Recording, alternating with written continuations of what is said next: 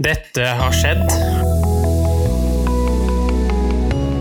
Har du noen refleksjoner om ernæring fra havet som vi bør spise mer av? Tang, Henrik. Tang. Generation X versus Z. Sandberg Productions presenterer Den ekte samtalen om og med generasjon X og Z. Hold deg fast og nyt. I dag tar vi opp temaet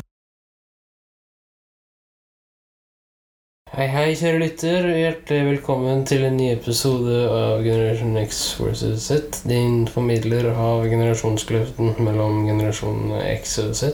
I dag er temaet legekunsten. Kjære kompan, jeg vet ikke om du har noe å tilføye akkurat her? Jeg syns legekunsten er et spennende område. Det er mye å, å sette seg inn i, mye lærdom å, å få inn i, i pannebrasken. Det vi gjør nå, Henrik, er faktisk å intervjue en uh, Kalle det en særdeles uh, oppegående kar. Han kan han driver med, det er såpass kan vi si. Vært gjennom en del forskning. Og så er det et par ting som uh, jeg håper han tar opp, som er litt spooky. Skal vi kalle det sånn? Ja, han gjør jo det her også, men jeg vil ikke gå inn i for mye detalj nå. Ja, det her blir iallfall et, et spennende område. Det gjorde det. Sett dere ned, folkens, og bare slapp av og nyt. Med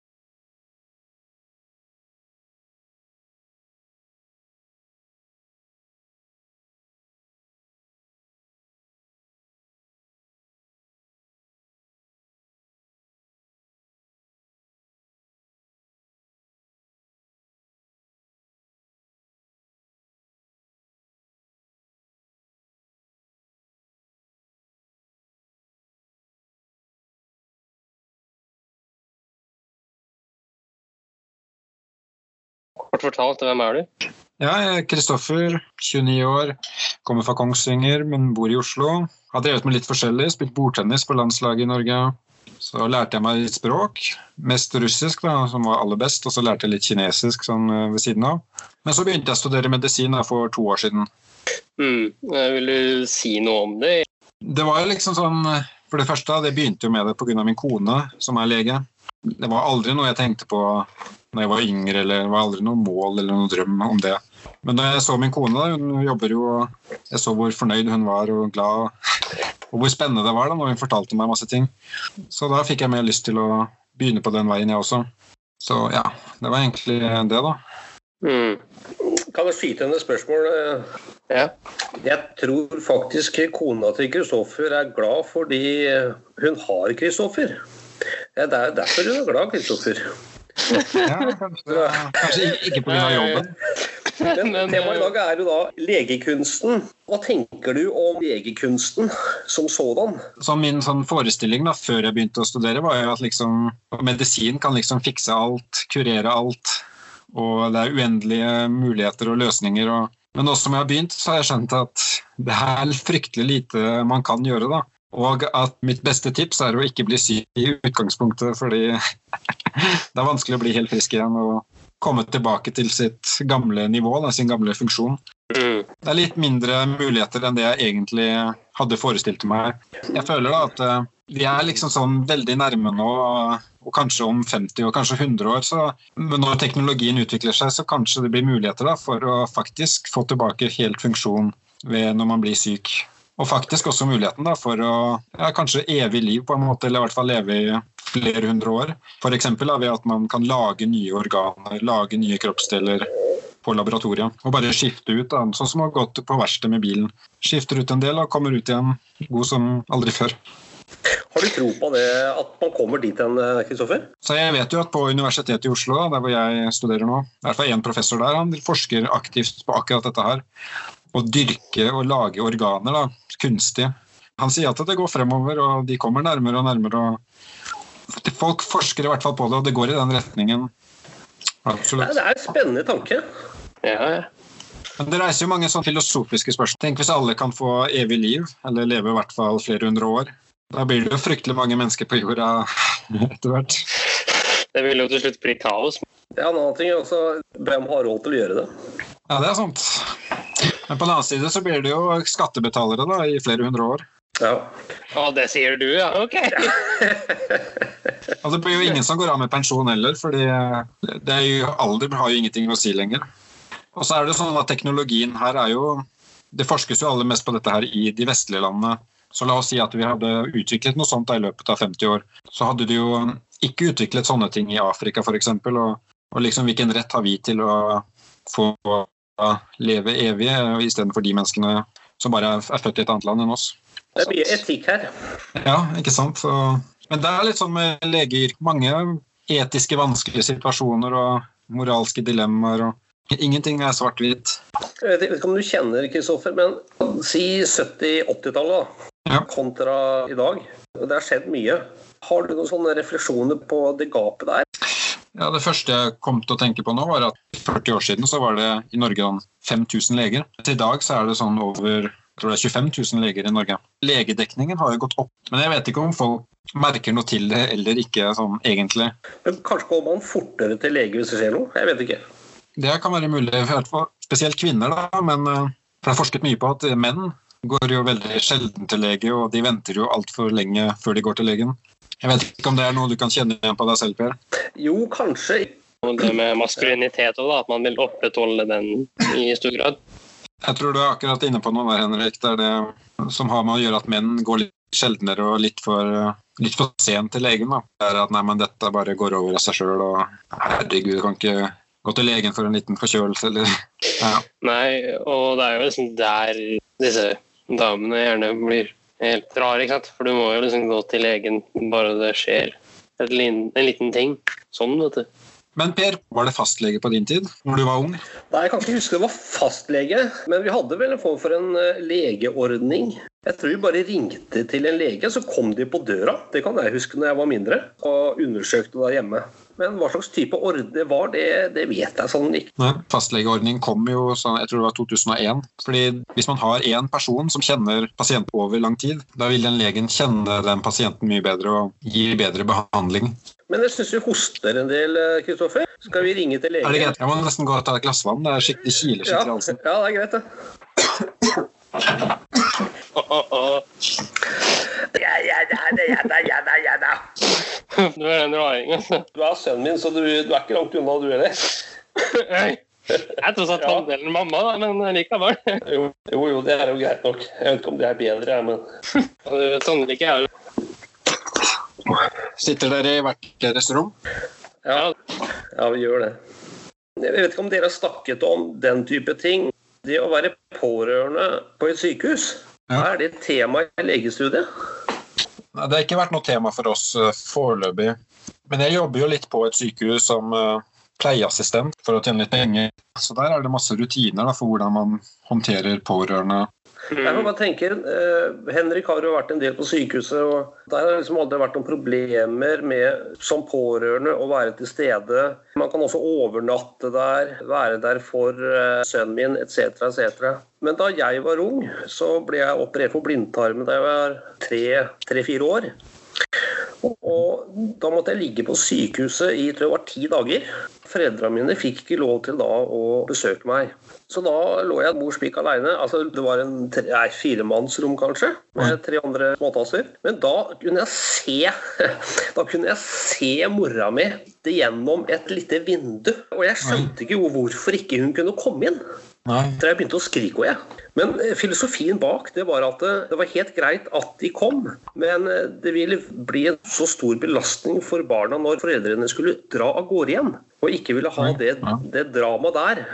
Men det er annerledes i dag, da, og det er jo fint. Ja, ja. Det er rett som du sier, kompan, at ja, jeg har vært mye på sykehuset selv nå, men eh, Ja. Jeg vil tenke at det har noe med at forskningen har gått fremover og funnet ut at de tar ikke skade av å si farvel. Og pluss at det der med glassvindu, så at de tenkte at det kunne være smittefarlig, eller at foreldrene kunne ha med bakterier utenfra, eller ja, som ikke vil skje, da, som de har funnet ut nå. Og Derfor er det greit med pårørende inne på rom. og ja. Ja. Da har utviklingen kommet et steg godt videre i positiv retning. Helt klart. Ja, det hørtes eh, traumatisk ut for en tre-fireåring å ligge alene i åtte-ni dager. Ja, jeg jeg huske at jeg, jeg skjønte det liksom ikke helt. Men da, legekunsten har jo forandra seg. Den er jo kikkhull, operasjoner, uansett nesten hva du skal gjøre. Ja, og det er jo en uh, fordel. Men det er jo bedre med et lite hull i kroppen enn et sånn svært snitt, Ja. når du kan fikse samme ting. Men ja, det er jo en ting at det har jo blitt mye mer teknologi og roboter, spesielt med kirurgien. Og sånn at kirurgen holder faktisk ikke kniven engang. Han sitter inni en robot og styrer den. Wow. Og det løser jo et veldig fint problem at roboten selvfølgelig skjelver jo ikke på hånda, sånn at blir det jo veldig nøyaktig og ja, du skjærer ikke over noe feil. Da. Og ikke bare det med robotene, men også det med internettet. At da kan jo faktisk kirurgen sitte i, en annen by i en robot som er koblet til en robot i en annen by, og da utføre operasjonen fra det stedet og via internett. og Men skjer det i dag, eller, Kristoffer? jeg er litt usikker på om det skjer i Norge, men jeg vet absolutt at det skjer i f.eks. USA. ja. Wow. Men det er jo veldig bra for de som bor litt sånn eh, på bygda. At de kan jo faktisk bare gå ned på ja, et eller annet lite kontor med en liten operasjonsbenk. Og så er det noen sykepleiere der som bare desinfiserer alt. Og så, og så har du en robot der, og så kan kirurgen sitte i Oslo og fikse alt. Jeg vet ikke hva du syns, Kristoffer, men jeg syns det er litt sånn spooky. Jo, jeg er litt eh, Jeg skjønner absolutt hvor du, hva du mener med det. Og, men vi Mm. lever jo i en sånn derre økonomisk og sånn tidssparings tidsånd. Ja da. Jeg er enig i at det er litt sånn nifst. På sikkert etter en på et tidspunkt så kan disse robotene sikkert operere av seg selv også. Så Så da blir det litt mer sånn spooky. Den i fremtiden som kanskje opererer, det er ikke kirurgen, men det er en, eh, det er en maskin og en ingeniør.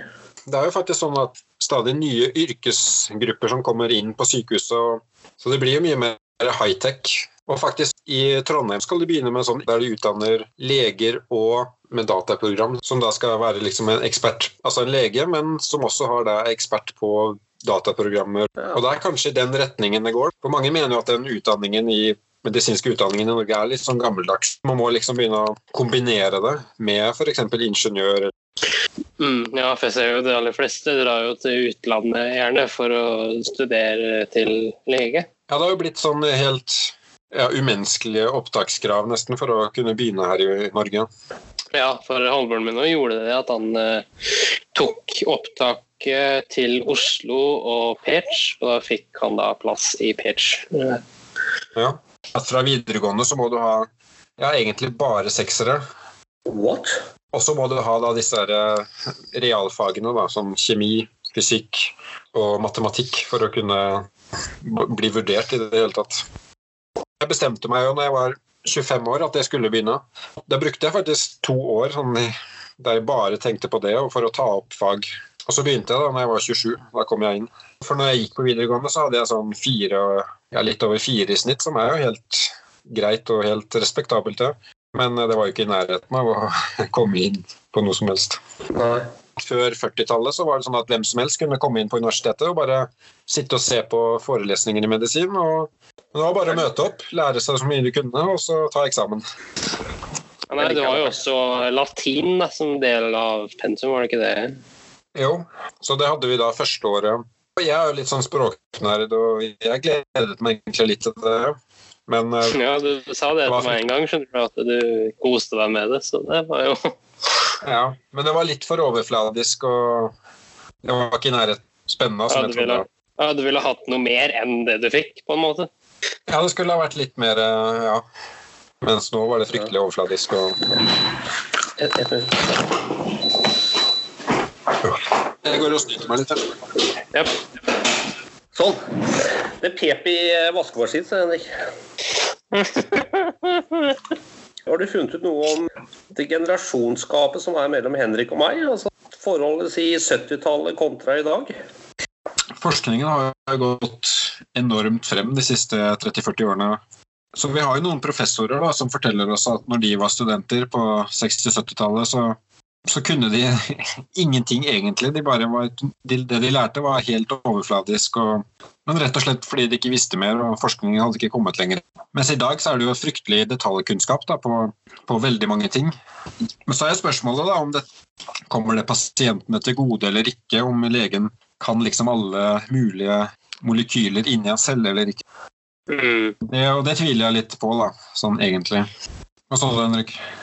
Jeg føler litt at jeg vil ha lytternes perspektiv i tillegg. At eh, om det kommer pasientene til gode, eller om det har motsatt effekt.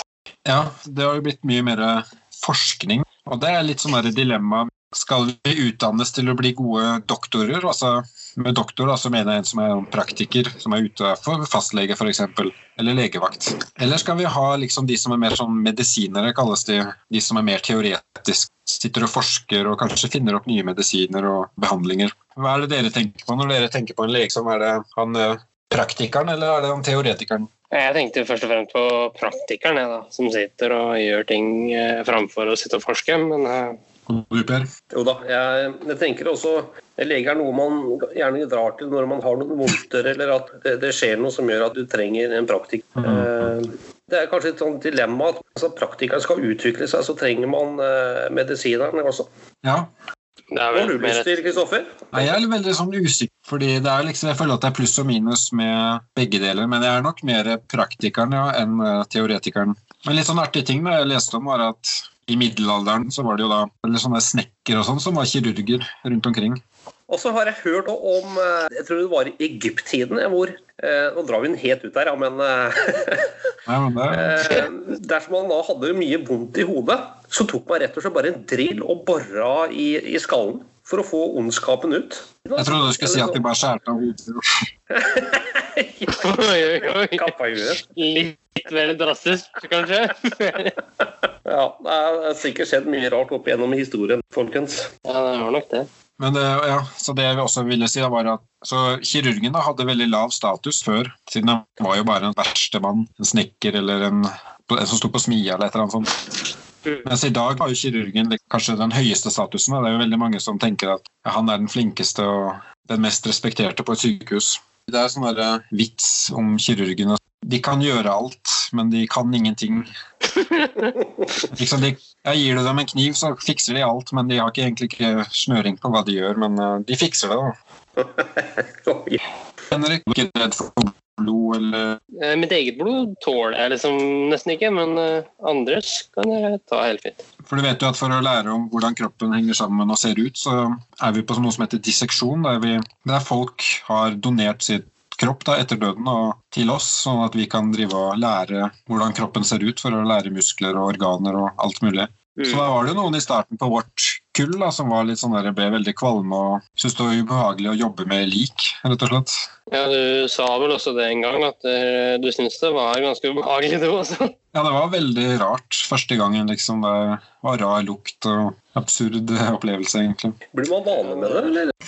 Ja, du blir fryktelig fort vant til det. Nesten for fort. Fordi nå har vi jo snart en eh, stor eksamen. Så da for å trene da, så går vi ned på den der disseksjonssalen ganske ofte for å trene. Og da ligger jo disse likene og disse ja, armer og ben oppi sånne der store konteinere med væske. Så for å ta ut f.eks. en arm, hvis du har lyst til å lære litt om armen, så tar vi og åpner vi den konteineren med der hvor alle armene ligger, og så må vi fiske ut en arm fra den Å, fy fader! Som grøsser. Grøsserfilm, altså. Men vi er jo vant til det, men når jeg tenker meg litt om, så er det jo helt absurd at vi har en konteiner med fullt av armer oppi, og så driver vi og fisker ut en. Og så. Ben og mager og Det er jo helt sjukt. Ja, for det er jo masse vann oppi der, sånn at armer og bein er jo veldig tunge. Så vi er jo livredde for når vi løfter de opp, at vi glepper den og den faller ned, og det splæsjer vann opp igjen. Oi! Hva du, Per, hva hva er det som du kunne ha likt med å være lege, og hva er det som du ikke hadde likt med å være lege, tror du? Det rare er, da jeg var på ungdomsskolen, så hadde vi en særoppgave. Og jeg var da fast bestemt på å bli, av en eller annen merkelig grunn, en hjernekirurg. Særoppgaven min så leste jeg meg veldig mye opp på, på hjernen, men den veien gikk jeg da ikke. Men eh, nei, som lege, ja. Jeg vet ikke om jeg ville blitt fastlege. Ja. Tror den type jobb i mange år blir litt både kjedelig. Altså Er det en influensasak som, som dukker opp, så er det antageligvis 95 av de som kommer inn, har den type ting. Kanskje i to-tre uker, jeg vet ikke. At det kan bli veldig sånn rutineprega. Og så blir du kanskje liksom nær de menneskene du har, altså med årene. Og det er vel ikke alltid hyggelig å være fastlege med, med mulig beskjed å gi heller.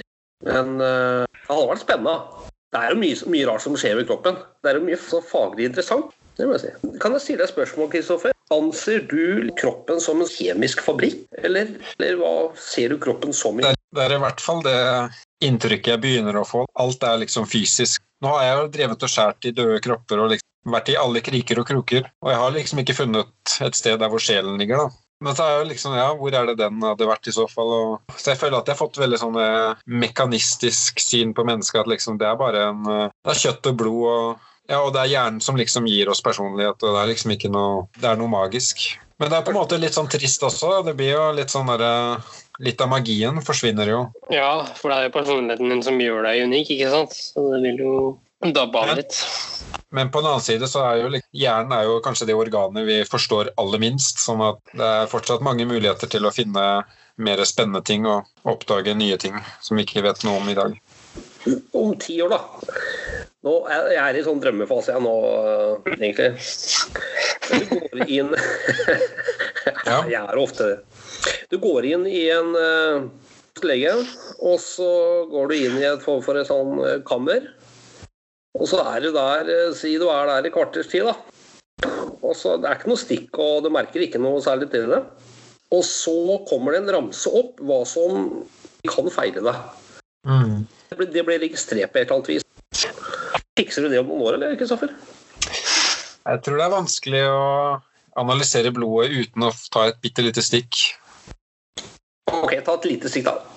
Et lite stikk, og så kanskje du tar en liten eh, tur på do, så man kan sjekke avføringen også. Ja, jo, det er jo greit. Og så kanskje du tar en liten sånn derre muskeltest, at du liksom holder, ser hvor sterk du er i de ulike musklene. Ja. Da kunne man ha funnet ut veldig mye, da, hvis man hadde tatt noen sånne enkle tester, og hvis det var standardisert, og man kunne ha gjort det i løpet av 10-15 minutter på et lite rom, ja. så hadde man jo faktisk uh, funnet ut veldig mye. Men det jeg skulle ønske, var at man kunne ha gått til legen sånn, ikke bare når man er syk, men også når man er frisk, for å, for å liksom rett og slett sjekke om For du kan jo være syk selv om du ikke merker noen ting. Og du kan jo være frisk, men kanskje ikke optimalt på noen ting, f.eks., selv om du ikke er syk heller. Og at man da går til legen og liksom får noen svar, og så kan man justere litt med livsstil, og så kommer man tilbake igjen, og så ser man at nå, ja, nå er alle parameterne 100% ja. Mer sånn forebyggende sak, eller? Rett og slett. Fordi sånn som jeg har lært da, de, nå de to årene her, er at ja, ikke bli syk, fordi det er vanskelig å bli helt frisk igjen og få tilbake sin eh, fulle funksjon. Så hvis man er veldig mye mer føre var, så, så vil man jo bevare funksjon og helse mye lenger og bedre. Ja. Mm. Det er jo et godt poeng, faktisk. Så jeg er jo litt sånn interessert da, i en, en sånn ting, er jo da fasting. ja. Vi kunne jo ha snakket om det en annen gang, men eh, Ja, fordi der kommer inn på noe, fordi Henrik er veldig Ta en videre dypdykk i, eh, i det med fasting ja. og diett. Fordi blant annet har du vært gjennom en, en større eks- ekspedisjon nærmest i din egen kropp. ja. Eh, Så den vil vi gjerne høre om hvis du, hvis du syns det er greit, Kristoffer. Ja, absolutt. En annen dag. Ja. En annen dag, ja. Ja, nei, men du ser jo med narkose og sånn, da må du jo ofte faste åtte-ti timer i forveien. Ja, fordi det er jo medisiner og mat kan jo reagere på hverandre. Ja, Jeg har også lest det da på sidene til Aleris, at hvis du får for mye narkose, så eh, dreper det deg, på en måte. Det Ja, for det er sånn der dypeste stedet i hjernen. Så det er, liksom, det er der pusten din blir kontrollert. Og bedøvelsen begynner jo ytterst i hjernen, og så går det liksom dypere og dypere og dypere. Så hvis du bedøver så mye at du bedøver det stedet som gjør at du puster, da, så slutter du å puste, og da dør du ganske fort. Det er jo som sagt, Hvis du får for mye narkose, så vil du jo dø. Der har du jo forklaringer på hvorfor. Ja. Og Sånn er det også da med narkomane. også. Hvis de har tatt en liten pause fra stoffer, og så tar de en dose som de var vant til å ta før, men nå har de ikke den samme toleransen. Og da blir de så bedøvd at de glemmer å, eller slutter å puste. Mm. Eh, Henrik vi hadde en, en lettere god diskusjon eh, her om dagen om ikke-gladsprøyte eller ikke-gladpille. Sånn, Ja. Altså, ja. før, du, før du går inn på en eh, operasjonssal, så enten får du vel et stikk, eller så får du en eller annen pille. Vet du hva den kan inneholde av noe slag? For at jeg tok en sånn en og ble ganske så happy. En pille? Ja, Ja. Og så fikk du narkose etterpå? jeg fikk det fordi at historien var at jeg skulle egentlig bare ta en enkel kneoperasjon. Ja. Og så fikk jeg en sånn pille. Og den virka at jeg ble Jeg skulle på fest, jeg nå, vet du. Nei, såpass. Ja, og Wonderful Copenhagen! Og så var jeg, jeg var skikkelig gladgutt, da. Han Kirurgen likte ikke det så godt, og så bare hørte jeg Nei, få maske på han der. der. Og så etter to sekunder så var jeg vekk. Oi, såpass. Det har gjort forskning på faktisk på kneoperasjoner der de har Pasienten var, klagde veldig på knesmerter, gikk til kirurgen, og så skjærte de bare to hull i, nei, i kneet. Men gjorde ingen operasjon, bare skjærte hull og sydde igjen. Det er et inngrep, men de gjorde ingenting med selve problemet. Og de sa heller ingenting til pasienten. De sa liksom ja, vi fiksa alt og bla, bla, bla. Og pasienten våkner opp og liksom ja, oi, jeg er i superform, og ja, kneet er helt fint. og så Det viser jo det der at den der placeboeffekten er faktisk ekte. da. Den var interessant, altså. Men ble du operert på ekte, Per, eller var det Ble du Ja, jeg, jeg, jeg håper det. Jeg vet ikke, men det iallfall funka. Det spiller ingen rolle. Det funka. Ja, ikke sant. Så det er jo det, er jo det viktigste. Ja. Så troa er det viktigste uansett. Altså, Sett at man er sjuk. At man da altså tror på å bli frisk. Ja, det er faktisk en faktor, ja. ja. Og det samme er med smerte òg. Det er det motsatte av placebo. Det heter nocebo. At hvis du tror at du skal få smerte, så får du smerte selv om du ikke har det. Sånn egentlig. Ok, så Hvis jeg sitter her da, for eksempel, og tror at jeg skal få vondt, så får jeg mest sannsynlig vondt. Det Ja, så vil du faktisk klare å innbille deg selv at du har vondt. Ja. For eksempel, hvis jeg gir deg en pille, en sukkerpille, men jeg sier til deg at dette er en pille som gjør at du kaster opp i løpet av en time, og jeg gir den til deg, og du liksom, ja, du tror jo på meg, og så kommer du til å bli ganske kvalm i løpet av den neste timen. Mm. Hvis det er greit at vi avslutter snart, det er jo snart Jak Jakob Ja, Ingebrigtsen, ja, er den der 1500 meter-finalen. Ja, når begynner den? Klokka sju, eller? Nei. Nei, om fem minutter. Å, fem minutter, ja. Da skal ikke vi oppholde deg lenger, Kristoffer. Vi sier tusen, tusen takk for at du stilte opp med ditt klarsyn og din kunnskap om legekunsten. Med håp om at vi har muligheten til å kunne ringe deg tilbake igjen for så å ta en prat om, eh, om fasting. Ja, så takk for at jeg fikk være med, og så ja, jeg kommer gjerne tilbake og snakker om eh, fasting, for eksempel. Ja. Ja, bare hyggelig. Og lykke til videre. Takk. Yes, ha det! Ha det, ha det. Ha det. Ja, det Henrik, hva, hva syns du? Han er en hyggelig fyr, det er han. Han eh, diskuterte jo veldig mye angående forskning, og hvordan forskningen hadde utviklet seg med årene og mye sånt. Diskuterte som bet merke meg, var det at han hadde holdt på med døde. Og Ja. den erfaringen, den bet litt merke meg at han Ja, jeg tror de som leser medisin, de må ha gode mager i hvert fall. Jeg tror han vil bli en veldig god lege, uansett om det er en medisiner, altså en teoretiker eller en praktiker-doktor han ønsker å bli. Ja, Det du hørte nå, indikerer på at du gjerne kunne ha lyst til å bli lege. altså jeg kunne tenkt meg å bli rettsmedisiner. Ja. Eh, Sånn, da. Men da går jeg jo dypere til verks i psykologien til begge parter, altså aktor og den tiltalte. Ja. Eh, Og da må jeg på en måte være en sånn nøytral part i den, eh, i den forhandlingen der, da.